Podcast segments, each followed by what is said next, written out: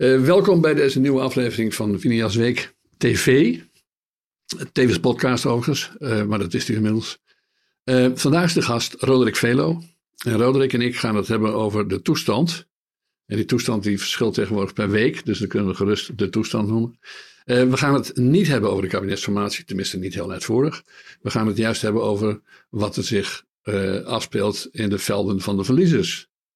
En uh, de scheuren die, het, uh, die de verkiezingsuitslag van een maand geleden. We zitten nu tegen kerst, maar we hebben een maand geleden de verkiezingen gehad. De scheuren die dat trekt bij de verliezers. En, en misschien zijn er wat effecten bij die we, waar we wat verrassingen over kunnen melden. dat is alvast de vooraankondiging van de inhoud. maar we moeten natuurlijk ook Roderick nog even voor zover nodig introduceren. Eh, in deze context, in deze ruimte, in deze studio is hij vooral bekend als schrijver van dit boek. Ja. Hebben wij spontaan bedacht. De Schijn regeert, verscheen in de zomer van 2022. En wie dit boek heeft gelezen, of nog gaat lezen, uh, die zal een deel van de verkiezingsoverwinning van 22 november ook kunnen verklaren, denk ik. Maar, of dat ze wisten, nou, laten we dan die vraag, die, die opmerking leggen als vraag nou ja, aan jou voor. Ja, ik, ik, ik, wil mijzelf niet al te veel voorspellende gaven toedichten. Maar er waren uh, wel tendensen uh, in de samenleving. En die hebben we eigenlijk allemaal uh, kunnen zien. Al sinds Fortuin, sinds... Twee Als we er oog voor hadden. Als we er oog voor hadden, precies. Ja. Dat is de, dat is de cruciale bijzin die daarbij hoort. Want ja, en er zijn rapporten verschenen. We hebben natuurlijk uh, de Atlas van Afgehaakt Nederland van René Cuperus en Josse de Voogd. We hebben het rapport van de, de commissie Remkes uit 2016. Um, ehm, waarin ook al duidelijk wordt aangegeven. Remkes waarschuwt ook uh, met nadruk. Jongens, kijk uit, want er is een grote groep mensen die zich niet meer vertegenwoordigd Een voelt. Derde. Een derde uh, op het Binnenhof. doe daar iets mee. Dat is gevaarlijk voor onze parlementaire democratie, de vertegenwoordigende democratie. Dus uh, dat is eigenlijk allemaal um, door een, een, grote groep mensen in de wind geslagen. Maar wie het, dat is eigenlijk wat ik wil zeggen, wat je eigen gelijk halen is heel makkelijk. Maar um, wie het gelezen, wie die rapporten had gelezen, wie zijn oor te luisteren had gelegd bij afhakend Nederland, die kan zich niet verbazen over deze verkiezingsuitslag. Nee. Uh, nu ben jij ook nog uh, politicoloog, denk ik. Ja, zeker. En daar, je bent niet per se al die tijd als een politicoloog actief geweest, maar wel als journalist die veel, uh, wat het, uh, zijn voordeel doet met zijn opleiding. Ja, zeker, ja. Ik... Uh, wat je tegenwoordig doet is, dat je, ben je vooral op internet bezig, kun je zeggen. Ja. dus als columnist bij de Telegraaf. Ja. en als podcastmaker met Bert Brussen. Ja, twee keer per week. De TPO-podcast, ja. ja. Uh, maar ik ga nog even terug naar daarvoor, want je hebt onder meer, je hebt bij RTL gezeten, bij BNN Nieuwsradio, maar je bent begonnen denk ik bij de VARA, zeg dat goed? Ja, ik ben begonnen, uh, stage gelopen, wat ik wilde per se bij de radio. Ik studeerde politicologie hier in Amsterdam. Ja. En in mijn laatste jaar mocht ik stage lopen. Ik wilde per se bij de radio en ik wilde ook de journalistiek in. Uh, dus ik heb toen bij de VARA uh, gevraagd. Eerst afgewezen, want uh, ze namen alleen maar mensen van de, van de school journalistiek aan. Ja. En toen had ik een heel rijtje met mensen die die school niet gedaan hebben, maar wel gevierde journalisten zijn geworden. En toen mocht ik alsnog komen op gesprek. En toen ben ik stage gaan lopen, volgens mij in 92, 91, 92.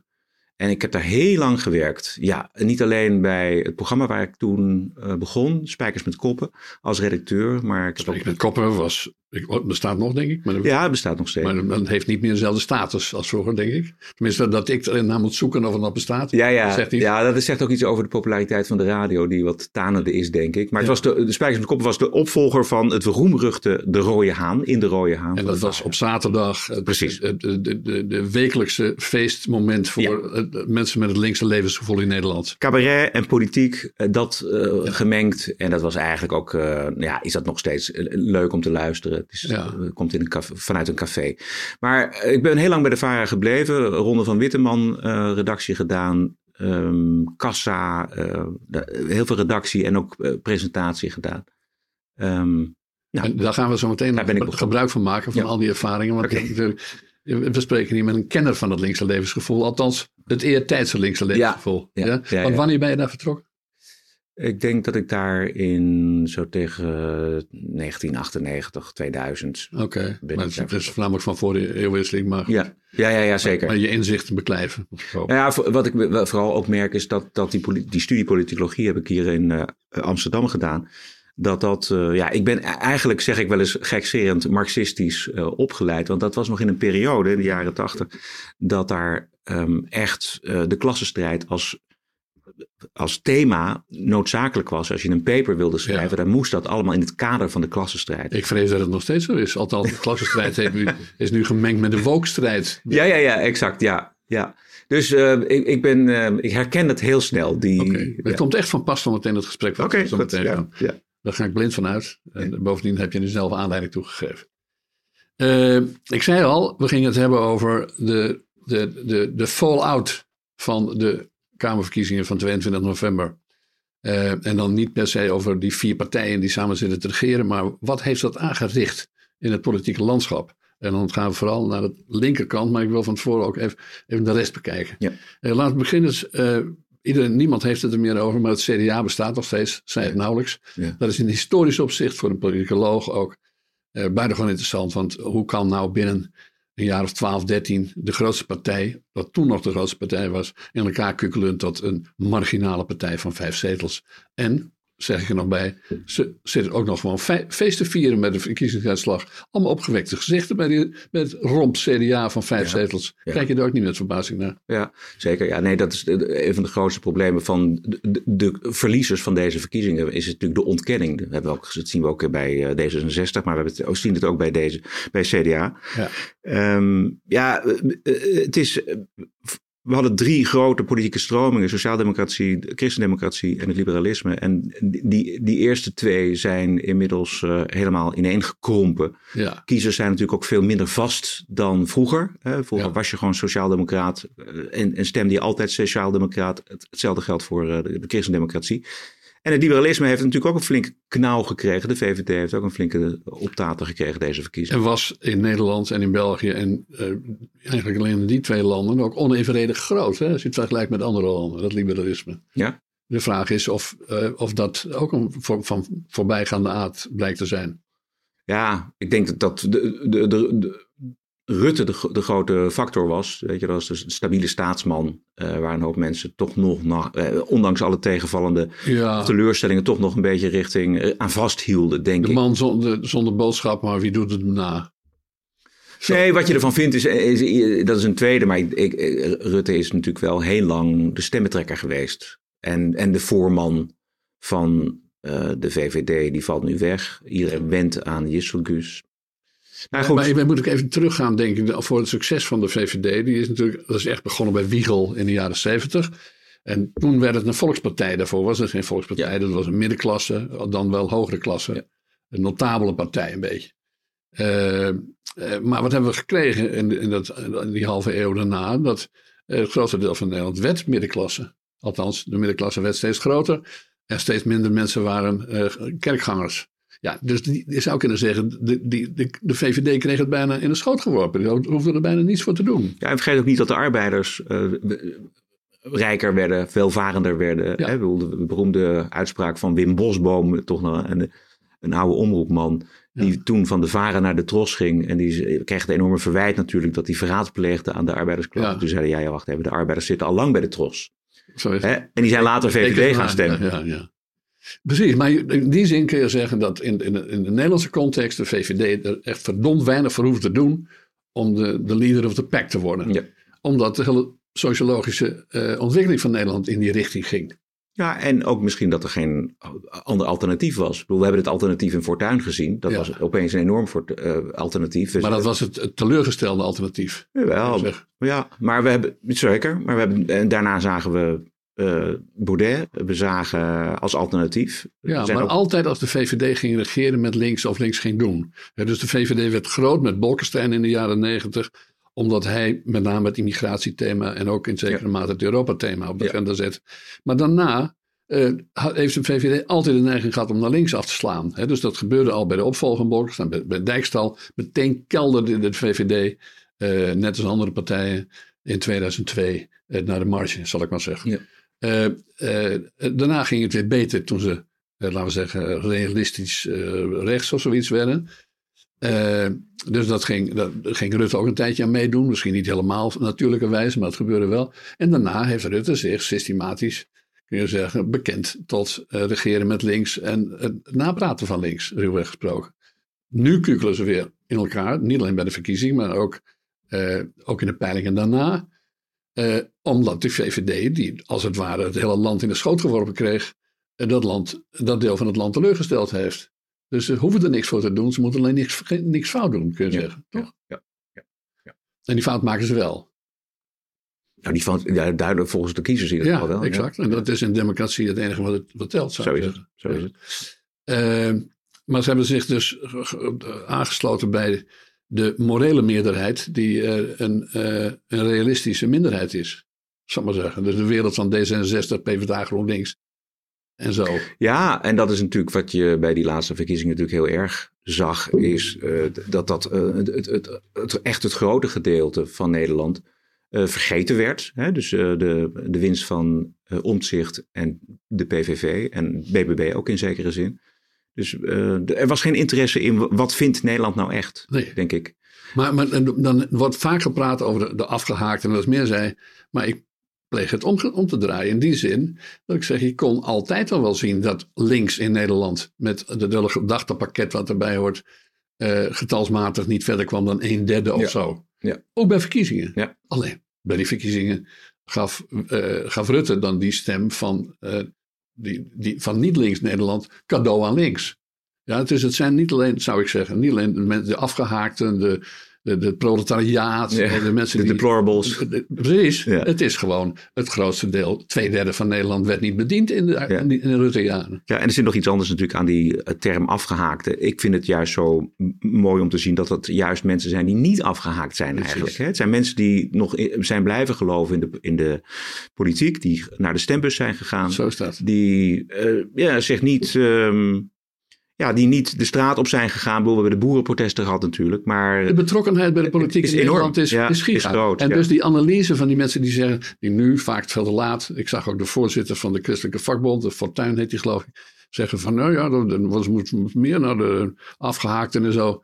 Maar dan wordt dus gewoon met een dédain gesproken over mensen. Terwijl mensen zijn zoals jij en ik. Ja. Uh, uh, in, in, plaats van de vooruitgangsverliezers, waar dan graag over wordt gesproken. Ja. Al twintig jaar wordt er zo over gesproken. Ja, zeker. Uh, en dus dat dédain is, de, zou ik zeggen, het voedsel voor de volgende nederlaag voor de mensen die dat... Zeker, en dat is het ook al geweest. Ik, kan me een paar weken geleden een reportage uit Ter Apel herinneren van uh, Nieuwsuur. En daar stonden ook mensen die, die reageerden op dat dédain, omdat ze vergeten zijn.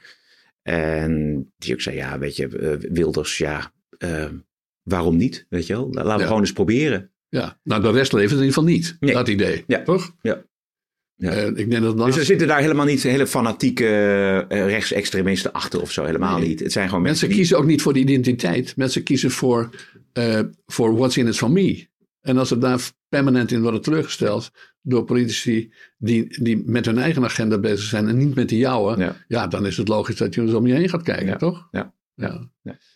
Die, het CDA hebben we net even aangestipt. Het CDA zat dus al, laten we zeggen, op de trein naar beneden uh, qua geschiedenis. Omdat ja, uh, je moet het vreselijk je best doen om kiezers te trekken als die niet naar de kerk gaan. Lukte Jan-Peter Balkenende trouwens 12, tot ja. 12, 13 jaar geleden nog wel. Hè? Dus het is niet onmogelijk. Alleen moet je dan niet, zoals de, PvdA, de CDA heeft gedaan, de afslag naar de steden en naar de linkse nemen. Dat hebben ze wel gedaan.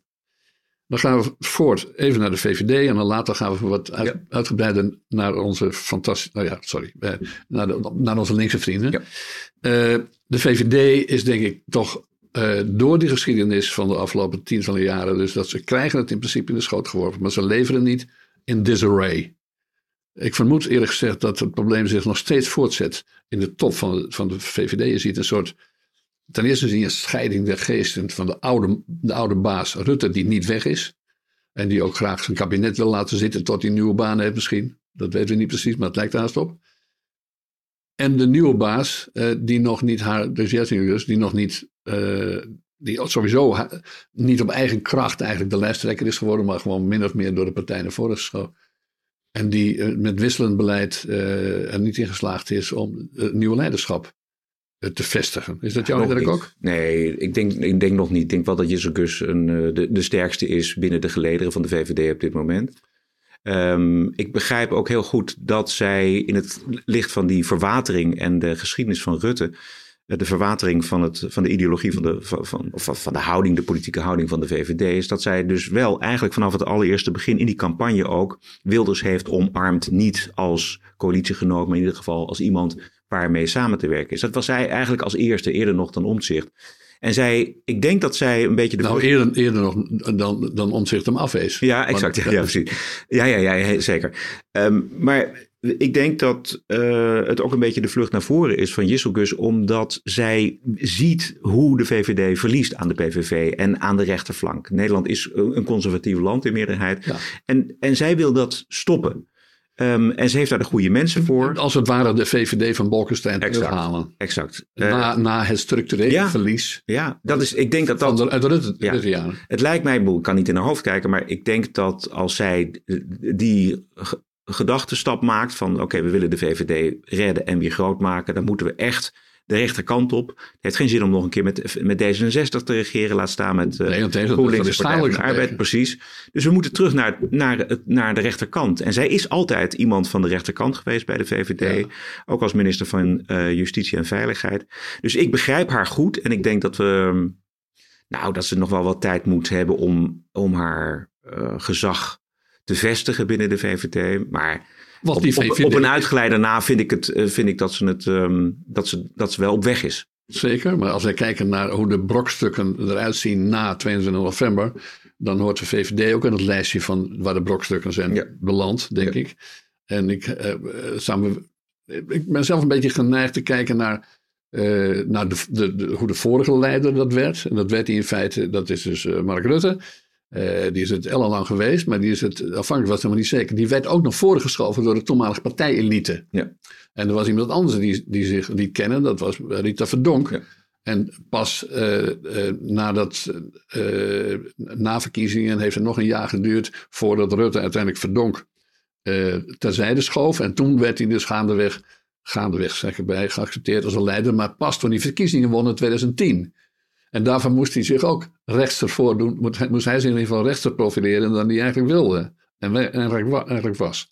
Maar in ieder geval, leiderschap moet je, eh, moet je niet cadeau krijgen. Nee, maar dat, dat, geldt voor alle politieke leiders eigenlijk. Als je, eh, als je kijkt, zometeen eh, gaan we het over de Partij van de Arbeid hebben. Maar als je ziet dat Wim Kok uh, toen bij zijn aantreden als, um, als Kamerlid en leider van de Partij van de Arbeid maakte ook geen enkele indruk. Dat was ook, en eerst, dan was het teleurstelling. Uiteindelijk. Omdat precies, hij wel een zekere status had. Zeker, dus er was een enorme teleurstelling. Maar dat heeft ook even geduurd voordat hij echt de politieke leider van de Partij van de Arbeid. Als premier eigenlijk was. En ja, precies. Dus dat uh, je moet uh, die mensen, moet je, die mensen moet je ook tijd geven. Maar dan is er bij de VVD nog een probleem. Want de, de Rutte is niet alleen 16 jaar of zoiets uh, partijleider, of 17, weet ik veel ja, 17, meer dan 17 jaar. Uh, partijleider geweest, uh, voor Better en for Worse. Uh, en heeft die partij gekneed. Ja, niet per se in ideologisch opzicht. Nee, hij heeft het gedowngrade, zou ik zeggen. Maar, maar wel in leiderschapstermen heeft hij gekneed. Dus de, de, de allerlei inspraakelementen heeft hij uit de beweging gehaald. Hij heeft altijd, wie ook maar één keer, of was men in de achterkamer, iets lelijk zei over Rutte of iets wat het kabinet deed waar Rutte, dan wist hij zeker, dan kon je zo afstrepen. Die was geen Kamerkandidaat meer bijvoorbeeld. En heeft zijn concurrentie natuurlijk ook opzij geschoven. We hadden natuurlijk Dijkhoff als een hele goede, uh, uh, iemand die hem zou kunnen opvolgen. Maar, ja. maar heeft, iedereen die de vinger opstak, of maar enigszins de indruk wekte de vinger opsteken, die zag je plotseling verdwijnen. Of, ja. ja. Maar in ieder geval die partij, daar is vrienden vijand het over eens denk ik, is gekneed door Rutte. Het zijn allemaal mensen die, die op basis van volgzaamheid uh, zijn gekomen of zijn aangebleven. Uh, hoe, en als Jesse dus al iets, laten we zeggen, meer de Bokkenstein-partij van maakt en af wil van de D66-vleugel, ja, die partij wordt al sinds jaren dag geleid door de D66-vleugel. Geleid, dat zijn mijn woorden nu even. Maar... Dat weet ik niet, Siep. Want uh, Brekelmans is een, vind ik een goed voorbeeld. Uh, Bente Becker. Oh, maar, maar er, er zijn... die is natuurlijk een keurige, die past eigenlijk heel goed in dat lijtje, rijtje wat ik net zei. Ik weet niet. Uh, oh, jawel, het is totaal ook gewoon een politiek assistent. Allemaal keurige nee, nee, nee, ja, daar ben ik het toch Ik denk dat er heel veel gebeurd is. En het zou mooi zijn als we daar een keer een, een mooi boek over uh, zien verschijnen. Uh, ik denk zeker dat iemand als Bente Becker, die, die heel streng op asiel was, dat hij. Heeft nooit tot is, beleid geleid, hè? Nee, klopt, dat klopt. En um, uh, Brekelmans ook. Dus nee, wat ik maar wil zeggen, er zitten dus wel degelijk, die, die Tweede Kamerfractie heeft wel degelijk mensen die met Jisselgus mee naar de rechterkant kunnen, die die, die partij kunnen sturen naar de meer rechterkant. Nou, dat weet ik niet. We hebben inderdaad, we hebben ook op, op vier nog steeds uh, onze staatssecretaris Erik van den Burg, wat niet bepaald. Hoe meer asielzoekers, hoe beter. Wat zeg je? Hoe meer asielzoekers, hoe beter, zei hij toen. Ja, ja, precies. was in Amsterdam. Maar goed, ik ben iets minder, maar misschien is, is dat mijn optimistische uh, kijk op het leven. Ik ben iets optimistischer over dat Jezus die slag kan maken. Dat is, nou nee, ik, ik heb het niet per se over de kans. En ik doe een poging tot beschrijving van de toestand. En uh, daar wordt betrekkelijk weinig over gepubliceerd. En dus we moeten het doen met, met wat uh, indicaties. Mijn indruk is dat, uh, dat de VVD leidt aan hetzelfde probleem wat we in de Rutte-jaren bij heel Nederland hebben gehad. Namelijk dat de top, uh, bij de top twee derde van de, wat ik dan maar de D66-vleugel zal noemen. Terwijl de achterban, niet per se de leden, maar wel de, kiezers, voormalige kiezers, voor twee derde juist van de andere vleugel zijn. Dus de, uh, in ieder geval, het staat, als je deze redenering volgt, dan heeft de VVD uh, ook nog wel een structureel probleem dat mogelijkwijs zichtbaar is geworden na deze verkiezingen. En dan, uh, dan uh, kies jij voor de optimistische variant. Ze herstellen hier wel van, zeg je eigenlijk. Nou, ik, ik, ik, zie, ik zie dat wat Gus, ik denk te zien wat Gus wil. En ik denk dat dat verstandig is, electoraal gezien. Ik bedoel, het is niet mijn partij, maar ik denk dat dat verstandig is. Dus um, we gaan het zien. ja. ja. Uh, laten we dan de, de, de jump uh, to the left nemen. Uh, want wat we in, daar zien is misschien nog wel meer in, in bij enige andere hoek in het politieke en ook mediamieke landschap. dat is de, de totale ontkenning, ben ik geneigd te zeggen. Dus je, je, ziet aan de ene kant, dus, er is wel veel geweeklaag. Ja. Maar dat, dat geweeklaag dat betreft nooit henzelf. Uh, dat betreft altijd dan wel uh, de kiezer die het niet begrepen heeft. Of die onzeker is of iets anders. In ieder geval, het deugt niet allemaal met die kiezer. of het geweeklaag gaat over de winnaar. Wat eigenlijk een beetje hetzelfde, hoe het, de, de, de, de, andere de, de munt is. De, de, andere zijde van dezelfde munt is. en de samenhang daarin is, aan ons heb het niet gelegen. Ja. Dus dan hoef ik niks te doen. Heb jij uh, onlangs nog Frans Timmermans gezien bijvoorbeeld ja. bij Buitenhof? Wat, wat, was jouw indruk aan de hand van wat hij daar allemaal vertelde? Half uur lang hè, by the way. Ja, ja half uur lang. Ja, uh, hij, het, het, het, was toch vooral... Nou, wat hij zei was dat uh, de verkiezingsuitslag anders had kunnen zijn een week eerder en een week later. Ja. Wezenlijk anders suggereerde hij.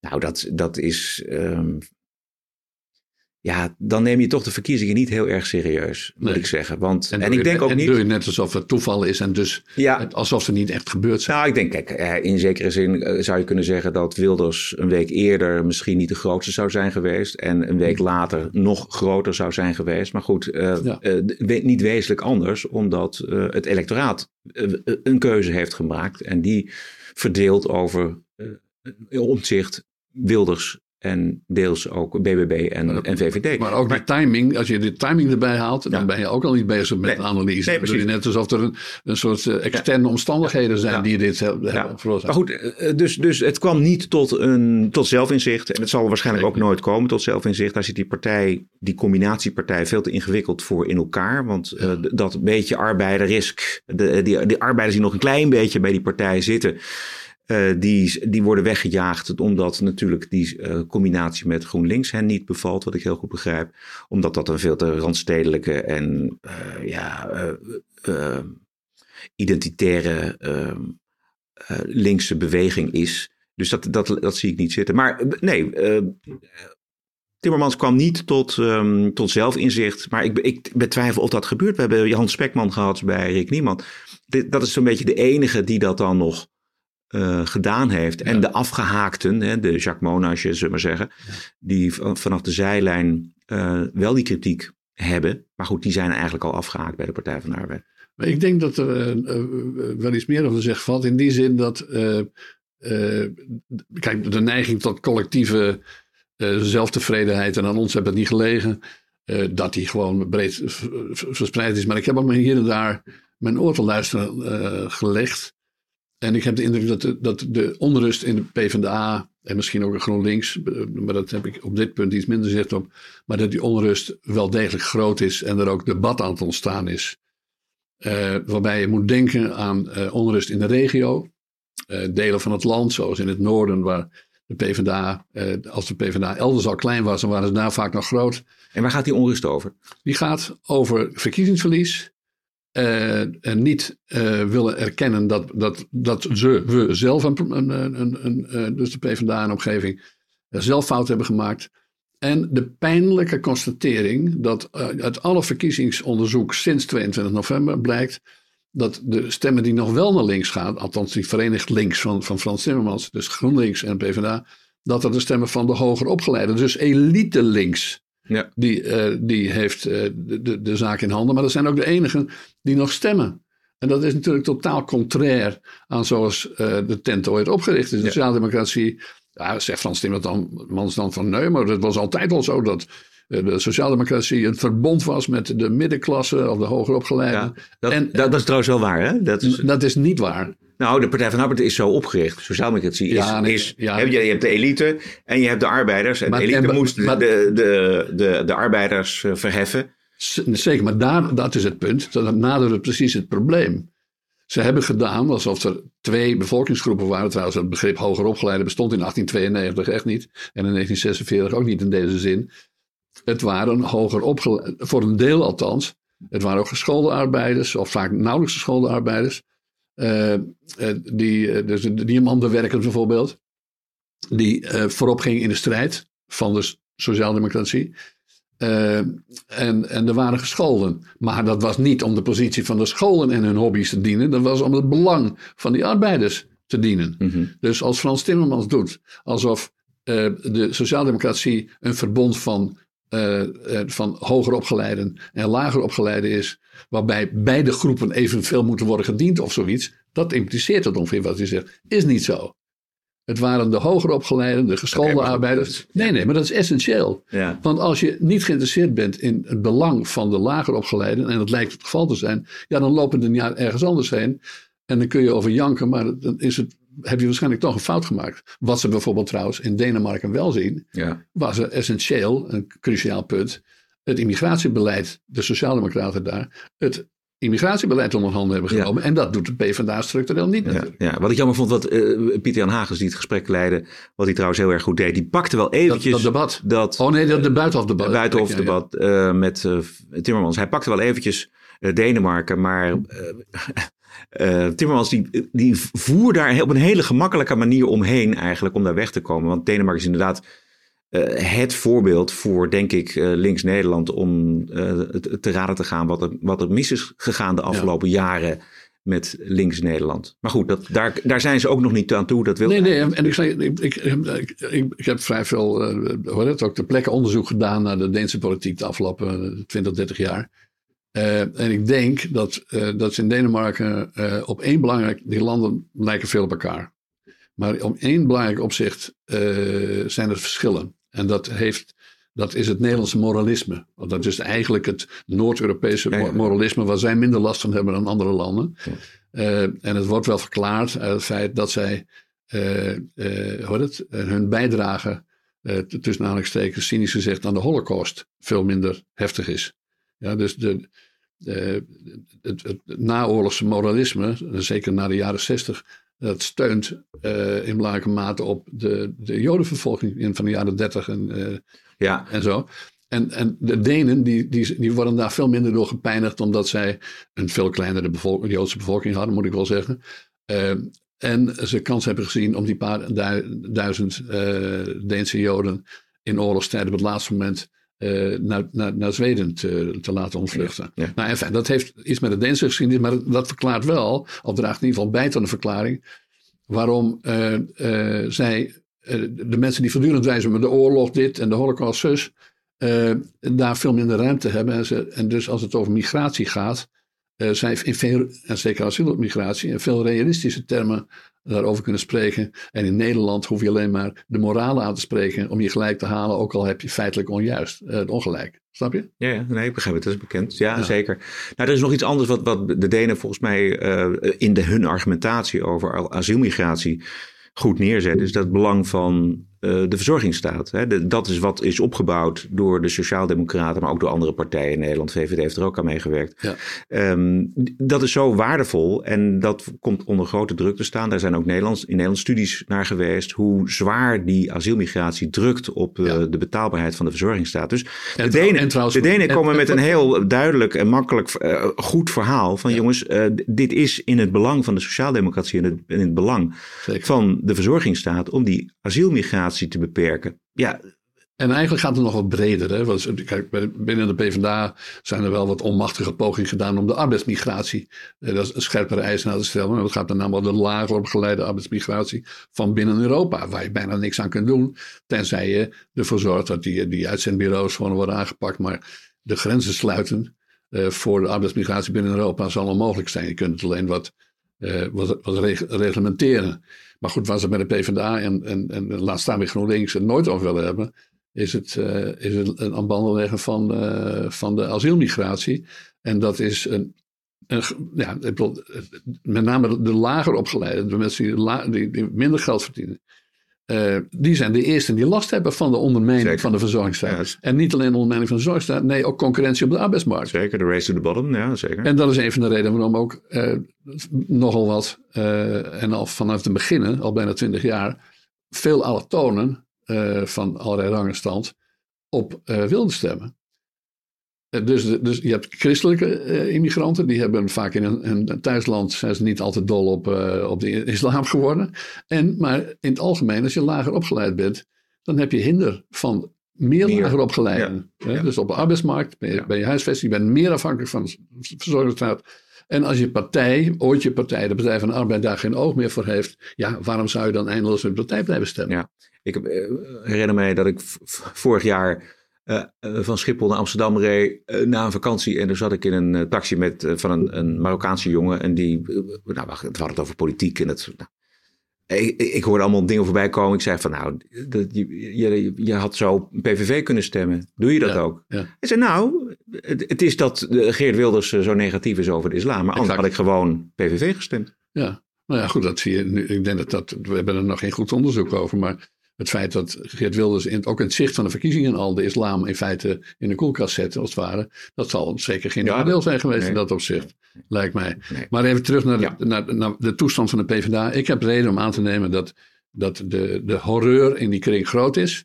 Uh, en dat er een aantal aspecten zijn, die moeten we nog even spreken. A, A het aspect regio. Ik stip dat even aan in het noorden van het land. Dat waar zaten de laatste getrouwe PvdA-stemmers. Uh, ook in de tijd dat, dat, de, dat, de, dat linkse stemmers in de stad als Amsterdam al naar GroenLinks of D66 gingen. Uh, laten we zeggen hoogopgeleide partijen.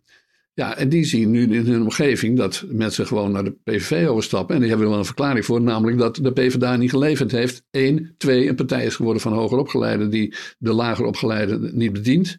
Uh, en ja, dus ik weet zeker dat daar, het rommelt daar aanzienlijk. De druk uh, vanuit de regio uh, op de geestesgesteldheid van, en met name de PvdA dus. Dus de ontevreden PvdA's in de regio, uh, die de partij te intellectueel, te GroenLinksig en te elitair vinden, die speelt nu een serieuze rol, denk ik, in het ja, interne debat. Ja. En er is nog iets wat het de komende jaren heel erg moeilijk maakt, denk ik, voor die partij is dat ze eh, heel erg veel last hebben met inderdaad het electoraat weer uh, aan zich binden. Maar eh, ik denk dat ze daar de komende tijd helemaal niet aan toekomen, omdat de partij natuurlijk een fusiepartij is. En ze zijn veel te veel exact. naar binnen gericht om dat tot een succes te maken. Dus die, zijn, die, die, die partij is alleen maar met zichzelf bezig, die fusiepartij. En heeft helemaal geen oog, nog minder oog zou je kunnen zeggen, voor wat voor de onder de kiezers eh, ja. leeft en voor de wereld. Dus ja, eh, dat. En er komt er nog een factor bij, denk ik. Waar, waar misschien, uh, wat ik ook niet per se meteen aan had gedacht, maar uh, in de PvdA rommelt het ook, omdat zij uh, voor het eerst in langere tijd weer bang zijn voor de SP. Bij de SP hebben ze een nieuwe leider, Jimmy Dijk. Die, waar ze, ik begrijp die angst niet direct, maar ik hoor dat ze zeggen. Die voor het eerst de, SP wel weer. Want SP kun je zeggen, waarom verliezen die steeds? Ja, omdat die ook een soort GroenLinks waren geworden. Met name op het punt van asiel, asiel ook. Ja, de SP die heeft ook. die heeft alle kansen om groot te worden uh, laten lopen door, zoals net voor de verkiezingen werd gezegd, nee, 75.000 asielzoekers in Nederland moet kunnen.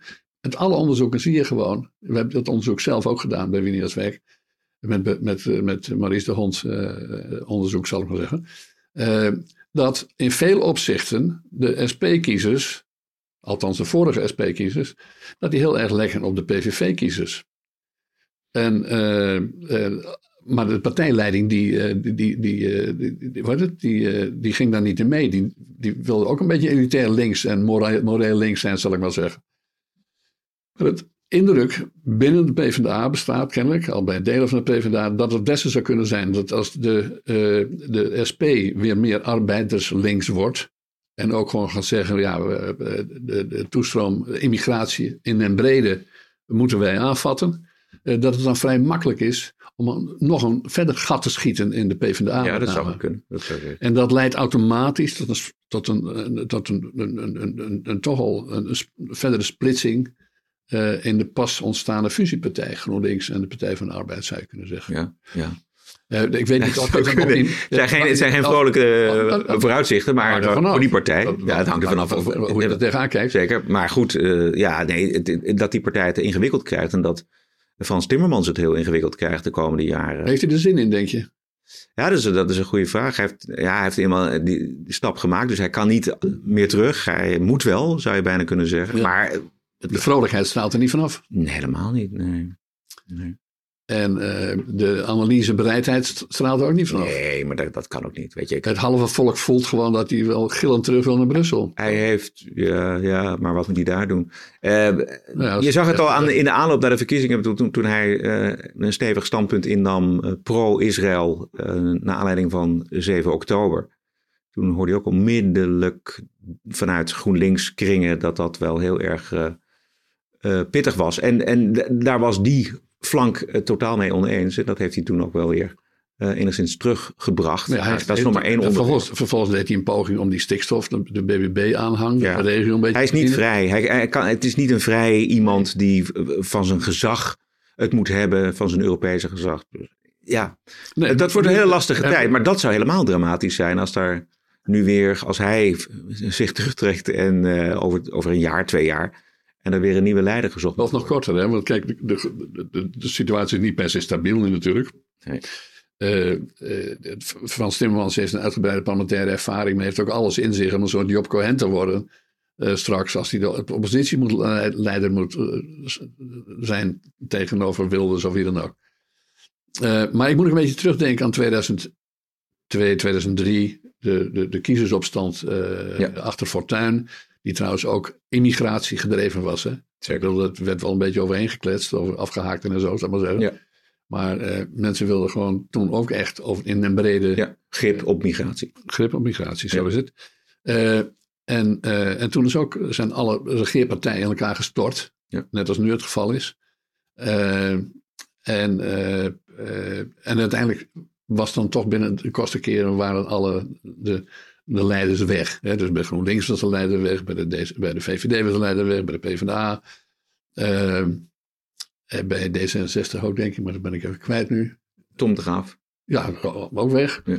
Dus uh, dit soort turbulentie kan uiteindelijk, ze kunnen een tijdje uh, de, de, het, hoofd boven water lijken te houden, maar even, op een gegeven moment krijg je toch een shake-out.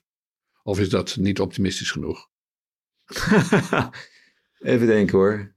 Uh, ja, de, gebeurtenissen in het verleden zijn geen garantie voor de toekomst, zeggen ze wel eens. Dus ik, ik weet dat niet. Het, het, uh, of dat het, on, het, ongemak wat we net hebben geschetst bij in de wereld van GroenLinks PvdA, uh, dat biedt weinig, biedt niet per se het vooruitzicht dat dat een stabiel leiderschap oplevert. Nee, maar ja, bij, bij gebrek aan... Er moet wel ook weer iemand komen die Timmermans kan opvolgen. Ja, maar dan heb je het al over opvolgen. Dat is zonder Timmermans dan. Ja, zeker. Ja, ik, ik, ik kijk nogmaals, ik denk dat de VVD met Gus een goede kans maakt. Uh, ik denk dat, ja, het hangt ook enorm af van het succes van de rechtse partijen, van, van Omtzigt, of van BBB, van dit kabinet, wat, er, wat er mogelijk aankomt. Als dat uh, een zepert wordt, om het maar zo te zeggen, dan uh, kunnen die andere partijen zich weer, uh, ja, dan krijgen we weer dan gaat we, herstellen. Dan, dan gaat ja. 2003 in werking, 2002 ja, ja, onder het hele kasteel. En in 2003 had je, had, was de, de oude orde hersteld, als het ware. Dat kan. Ja. Het kan ook zijn dat Frans Timmermans daarop hoopt of rekent, maar lijkt me niet vanzelfsprekend. Nee. Nee. Voorlopig hou ik erop dat Wilders overal uh, voor turbulentie zorgt, maar dat hij zeker een scheur door in links uh, genereert. Wat vind je dat te hard uitgesproken? Ik denk dat. Koppen boven deze. Ja, dat mag wel. En, ik, en, daar zijn goede uh, argumenten voor te noemen. Maar ik denk tot, toch vooral dat de scheuring van links. dat ze zich dat zelf aandoen. Dat dat helemaal ook zonder, Zeker, maar zonder Wilders. Maar, maar het resultaat is er niet andersom natuurlijk. Nee, nee oké, maar jij zegt Wilders trekt de scheur door ja, ja. Uh, links. En ik zeg, ja, ik denk dat links uh, zichzelf helemaal aan flarden scheurt. Nee, door gebrek aan uh, zelfinzicht, door nee, gebrek ik, aan ik, analyse. Ik bedoel de, de, de verkiezingsoverwinning van Wilders, laat ik dat ja. zo formuleren. Zo bedoel ik het eigenlijk. Ja, ja, ja. want ik denk dat je voorkomen gelijk hebt. verkiezingsverlies komt meestal niet omdat de concurrent zo ontzettend leuk is, maar omdat je de zelffout hebt gedaan. Ja. ja. Al in sommige partijen die realiseren zich dat waarschijnlijk wat later. Die willen dat zich niet realiseren. Dat ja. is ook een probleem. Ik wil nog één vraagje stellen. Over, want we hadden het al even over dat je carrière eh, begonnen bent bij, eh, bij de, de, de, arbeidersomroep. Ja, zeker. Wat zullen we nou hebben zeggen? Ja, ja. De arbeidersomroep die nu een woke-omroep is geloof ik. Maar in ieder geval niet per se uh, de, de arbeideristische omroep waar ze uh, vroeger groot mee zijn geworden, toch? Nee, maar ik kom uit een VVD-gezin. Laat ik ja. mijn vader was uh, gemeenteraadslid uh, voor de VVD, heel lang, fractievoorzitter ook. En Vechtstreek, dacht ik, hè? niet? Ja, precies. Ja. En ja, wat, wat, wat zo'n lief dan doet, is natuurlijk naar de andere kant. Dus ik, was, ik, ik heb ook een, best een hele linkse periode gehad, met name aangestoken door wat ik al eerder noemde, de, de, de Universiteit van Amsterdam. Ja. Ik was daar echt ook gevoelig voor, uh, voor die klassenstrijd, voor dat marxistisch gedachtegoed. Dus ik heb me dat echt wel eigen gemaakt. En je, en je dacht ook aan de, aan de uiteindelijke overwinning van links, toch? Mister, dat is... Nou, het, was, het, kijk, het gaat om de, om de wetenschappelijke. Hoe noemde Marx dat al? Het is onontkomelijk, hè? De, de winst ja, ja, dat over het wetenschappelijk socialisme. En zo. Ja, nee, maar als je dat, dat, dat, was, als je dat leerde. Onontkoombaar was het. Onontkoombaar dat ja. dat allemaal ging, ging lukken. Dus en toen ben ik, mijn toenmalige vriendinnetje, ben ik toen naar Berlijn gegaan, waar toen nog een muur stond. En ja. wij het reëel bestaande socialisme konden aanschouwen. Ja. En toen, toen... Party, maar niet huis. Nee, totaal niet. Dat is gewoon één grote grijze, bruine, vieze ah. bedoeling. Nee, dat is ja. afschuwelijk. Dus dat heeft wel uh, op een gegeven moment een kwartje laten ge gevallen. Ja. Maar uh, ja, ik ben heel lang... Uh, en dat was ook de, mijn stap naar de VARA. Dat, dat klopte als een bus. Ik was echt... Um, ja, ik was toch wel uh, sociaal-democratisch links, niet, niet, niet nee, marxistisch. Nee, okay. Maar ik vraag het eigenlijk ook omdat ik... Ik wil even naar ons mediawereldje. Ja. Uh, want dat mediawereldje is, uh, ja, die heeft altijd ruwweg gesproken, bij die een derde gezeten. Hè? Dus die een derde die, die met een overwegend links levensgevoel door het leven gaat, terwijl de twee derde van Nederland eerder midden of rechts ja. is.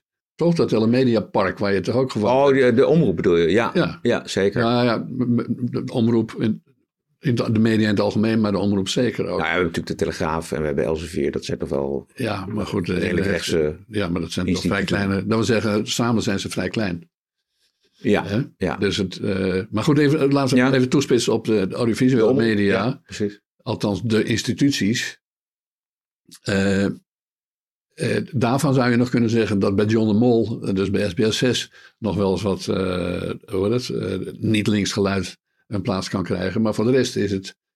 En zelfs daar lopen uh, allemaal uh, ex-VARA-collega's van, van, jou rond in die, in die redacties, heb ik de indruk. Heb je, of zie je dat, ik, dat weet ik niet of zij daar. Okay, daar heb je geen actieve herinnering aan? Nee, maar ik, ik hou niet alle. Nee, ik bedoel eigenlijk geen actuele herinnering. Nee, nee, nee, nee maar ik, ik, ik hou niet alle uh, carrières van mensen in de gaten. Maar het is. Het, bedoel, het is heel duidelijk dat. eh, kijk, de journalistiek is ook links. Zie ik. Ik bedoel, Dat, eh, eh, die komen op voor de mensen in de verdrukking. Eh, dat dan- is heel lang nee, maar goed, dan- een, dan- traditie geweest. Dat, dan vindt men van, van, van, zichzelf dat men links is. ja. Maar als je het reëel, reëel bekijkt over de afgelopen 50 jaar, heb je kunnen zien dat, dat mensen die zich in de journalistiek links voelen, dat die vooral erg voor het beschermen van het establishment waren. Ja, dus, eh, ja, maar links is het establishment geworden natuurlijk. zeker, maar dat, dat is geen onbelangrijke vaststelling. Dus als links het establishment is geworden, dan is het niet automatisch het opkomen voor de onderklasse. Integendeel. Nee, bedoel dat. Nee, maar goed, dat, is, dat, dat hebben we al geconstateerd natuurlijk bij Ja, de. Partij van de Arbeid. Nee, maar goed, je zegt, het, eh, eh, journalistiek, Nou ja, journalistiek is links. Nou ja, het is maar dat-. Het is, kijk, het is het gevoel op, opkomen voor verdrukte. Dat hoeven niet per se arbeiders te zijn, maar dat, zijn, dat is het onrecht. asielzoekers in plaats van arbeiders. Ja, misschien wel. Ja. Dus, eh, Maar dat is dan zielig voor die arbeiders, want die, die moeten die asielzoekers opvangen en hun uitkeringen delen. ja, nee, bedoel, dat hoef je mij niet te vertellen. Dat nee, nee, ik wel. Maar, leg het Nee, aan, aan ja, ja ik, maar, maar het, het gevoel dat. Kijk, het is ook een beetje. Je had het net over, over de Tweede Wereldoorlog. Maar Nederland is natuurlijk altijd een land geweest van eh, do, dominees en koopmannen. En die dominees zitten ook heel erg in de journalistiek. Dus de, de, de- het idee dat je eh, een verschil moet maken, dat je onrecht moet aankaarten en dat je eh, de wereld moet verbeteren in plaats van hem beschrijven, dat Ja. zit heel erg in die Nederlandse journalistiek al jaren. Jan Blokker heeft daar eh, in de tijd nog een Zeker. boekje over geschreven. Hè? Nederlanders houden niet van, of journalisten houden niet van journalistiek. Eh, dacht ik dat de titel was. Ehm, maar het gaat in ieder geval over dat journalisten op zoek moeten naar de waarheid, naar de werkelijkheid.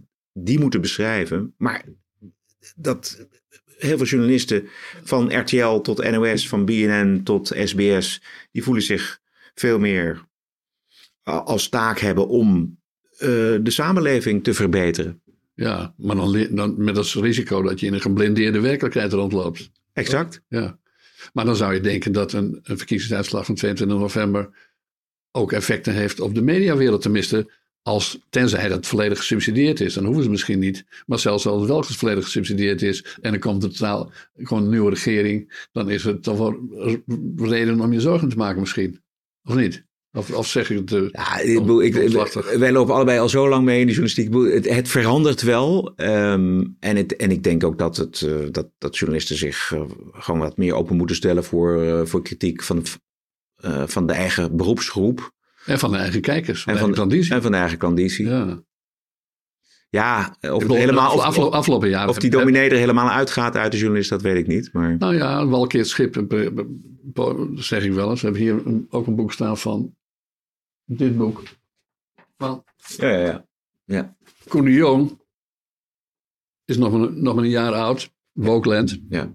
En dat gaat over hoe in de Rut, onder de Rutte-kabinetten, met name het laatste kabinet, maar niet uitsluitend, woke, al dan niet met behulp van de, van de, de, de media, eh, Ja, mediapark, Ja, is opgedrongen aan Nederland. ja. En ik las v- vandaag bij de NOS notabene dat men zich in Wookland zorgen maakt of dat allemaal wel zo kan, blij- kan gaan blijven. ja. Nou ja, wat we in ieder geval zeker weten is dat het nooit leidt tot kiezers. Nee. Want, ik bedoel, de wookpartijen zijn eh, gedecimeerd of verdwenen hè, bij, bij de verkiezingen van 22 november. ja. En er gaan ook niks, er gaan ook geen mensen naar de gesub- gesubsidieerde woke-uitzendingen kijken. Of Zeker niet. Nee. Dus nothing, er gaat dan wel wat gebeuren, zou je dan mogen denken. Ja, ja. Of verandert het uiteindelijk toch niet zoveel, denk je?